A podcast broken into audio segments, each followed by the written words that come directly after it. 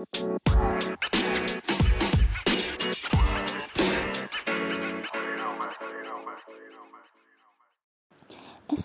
warahmatullahi wabarakatuh. Kembali lagi di audiobook bersama narator Duiza Rizky. Ya, kali ini aku mau membacakan bagian kedua Bagian kedua dari buku yang aku bacakan di sini Yaitu buku Skripsi Undercover Karya dari Agus M. Irham Bagian kedua atau bab dua ini berjudul Saat Menulis Skripsi Di sini terbagi dari beberapa sub bab ya Sub Bab yang pertama itu judulnya saat bimbingan pertama. Wah, kayak gimana tuh? Mari kita dengarkan isinya. Selamat mendengar. Saat bimbingan pertama. Memulai mengerjakan sesuatu adalah hal yang paling rumit. Sebagaimana kamu, misalnya, diminta dosen untuk menulis artikel populer, sementara kamu tidak pernah menulisnya maka kemungkinan besar yang akan kamu alami setelah membuka laptop adalah duduk diam dengan tangan di dagu. Bingung kata pertama apa yang harus ditulis. Sama halnya dengan skripsi. Ketika kamu menggarap skripsi, hal pertama yang membuat deg-degan adalah saat bimbingan pertama kali. Berbagai macam bentuk kekhawatiran berkecamuk di dalam hati. Khawatir dicueki, dimarahi, dan sebagainya. Maka dari itu, Ketika kamu maju bimbingan untuk pertama kalinya, gunakan saja pertemuan pertama itu sebagai kesempatan untuk hanya kenalan. Perkenalkan nama kamu, jurusannya apa, dan dosen walinya siapa. Jelaskan pula bahwa perjumpaan tersebut adalah bimbingan yang pertama kali. Dan terangkan pula bahwa berdasarkan pengumuman yang baru dirilis, dosen tersebut menjadi dosen pembimbing kamu. Tentu saja prosedur tersebut tidak berlaku jika sebelumnya dosen pembimbing sudah mengenal kamu ya. Tapi jika baik kamu maupun dosen pembimbing tidak saling kenal, maka sebelum bertemu untuk pertama kalinya, sebaiknya cari informasi tentang dosen pembimbing kamu itu. Tanyakan kebiasaan-kebiasaan yang dilakukan menyangkut gaya bicara dan teknis saat bimbingan. Tanyakan hingga ke hal-hal terkecil. Misalnya kata-kata apa yang mesti dihindari, jam berapa biasanya kalau bimbingan skripsi, jurnal, dan buku apa yang paling disukai atau yang sering direkomendasikan kepada mahasiswa bimbingannya untuk dibaca. Dan hal-hal lain yang sekiranya bisa membangun suasana akrab dengan dosen. Ada dosen yang tidak mau melayani mahasiswa bimbingannya kalau tidak menyebutnya dengan panggilan prof, meskipun bersifat kasuistik. Ada pula dosen yang gampang diajak bicara saat bimbingan setelah disapa dengan lembut dan penuh rendah hati. Ditanya hal-hal yang sifatnya pribadi. Misalnya tentang kondisi kesehatannya. Atau ada pula jenis dosen yang sangat menyukai diskusi. Terlebih jika yang mengajak diskusi tersebut adalah mahasiswanya. Karena itu semua faktor-faktor di luar akademik justru lebih sering menentukan keberhasilan kamu menyelesaikan skripsi. Gali itu semua dari para mahasiswa senior yang pernah menjadi mahasiswa bimbingannya.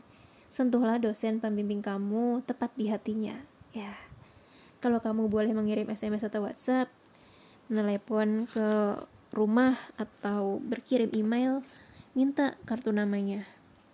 Atau catat juga, atau catat saat itu juga gitu.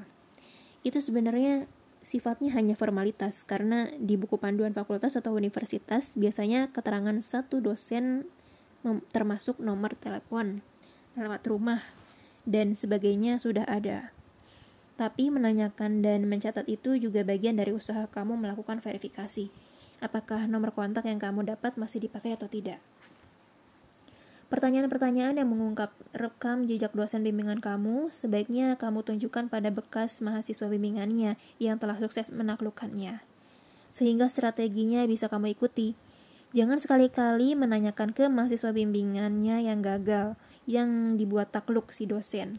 Karena kamu pasti akan mendapatkan jawaban-jawaban yang akan membuat kamu kecut, maju, mundur. Malah jadinya tidak berani bimbingan. Ujung-ujungnya malah dihasut untuk lebih baik ganti dosen pembimbing saja. Atau jika kamu ingin menguji adrenalin, kamu bisa tetap menanyai mahasiswa yang ditaklukkan dosen tersebut dan mengambil cara yang tepat agar tak juga ditaklukkan. Lebih banyak referensi, lebih banyak pula ide.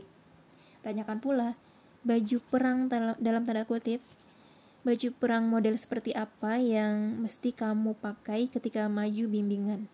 Jangan sampai karena hal sepele itu, kamu sudah ditolak. Ditolak bahkan sebelum bimbingan.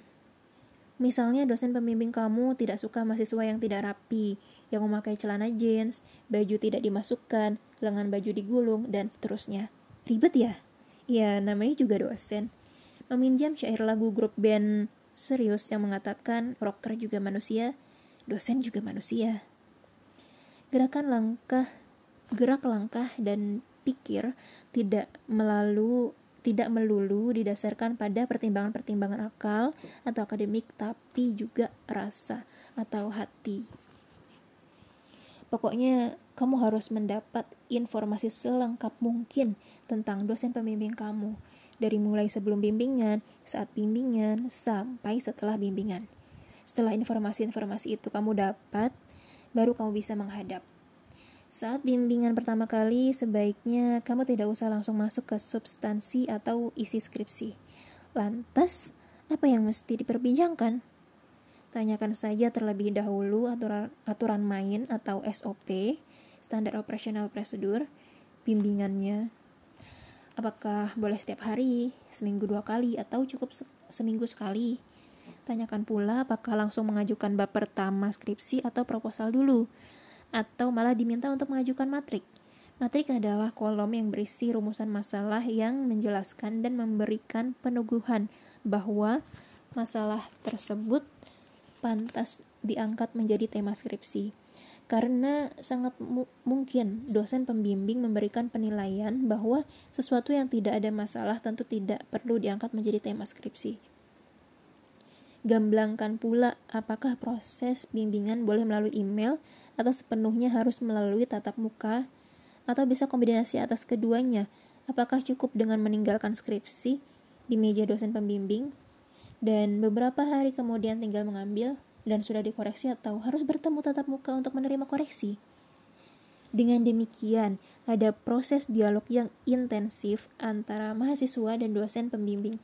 Tanyakan juga, um, dan ini kadang menjadi sangat penting dan kalau tidak digamblangkan sejak awal dapat menjadi masalah, yaitu apakah boleh SMS, WhatsApp, atau menelepon ke rumah atau nomor HP.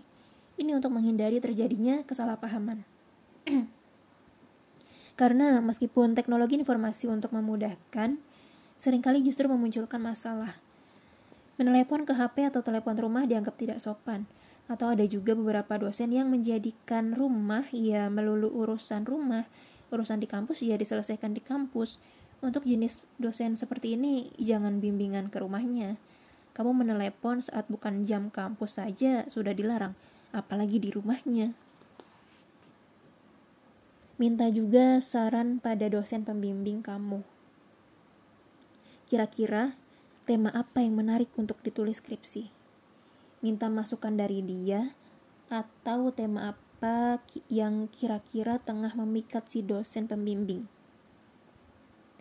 Meskipun jumpa pertama hanya menjadi ajang sok kenal sok dekat, kamu harus punya gambaran awal. Kira-kira tema apa yang akan kamu teliti untuk kemudian kamu tulis ke dalam bentuk skripsi. Utarakan itu.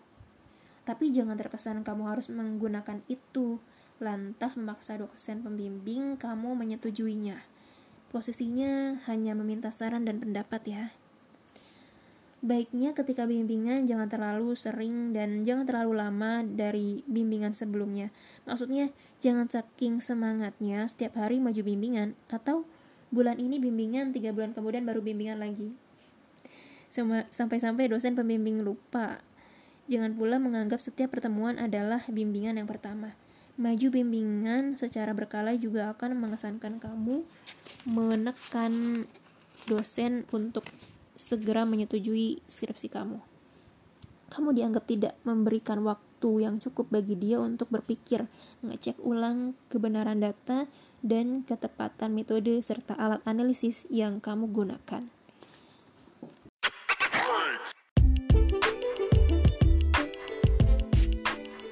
Ya, sekian pembacaan sub bagian pertama dari bagian kedua buku Scripts Undercover oleh narator Luisa Rizky. dan buku ini ditulis oleh Agus M. Irham. Untuk kamu yang ingin membelinya silakan cari di e-commerce ataupun toko buku mana pun. Jadi selain kamu bisa mendengarkan dari audiobook ini, kamu juga mungkin uh, ingin membaca langsung dari bukunya langsung gitu ya. Jadi silakan dicari aja namanya Skripsi Undercover. Ini buku terbitan lama sih sebenarnya cuman cukup bagus dan tadi uh, banyak hal ya tentang bagaimana saat pertemuan pertama. Nah, kalau tahun ini gitu kan masih kita masih kuliah secara online, so ya nggak apa-apa kamu langsung WhatsApp. Kalau tadi kan meminta nomor handphonenya harus menanyakan dulu boleh WhatsApp atau enggak. Tapi kalau sekarang memang ya memang zamannya harus WhatsApp. So tinggal kamu cari aja nomor WA dosen kamu dari teman-temanmu atau dari seniormu dan memastikannya dengan baik pembukaan chatnya harus sopan ya. Jangan seperti berbicara dengan teman. Jadi ya sebisa-bisa kita bagaimana menempatkan chat kita yang baik untuk orang tua atau guru kita yaitu dosen kita Sekian dari aku Riza Rizky. Sampai jumpa lagi di audiobook selanjutnya. Wassalamualaikum warahmatullahi wabarakatuh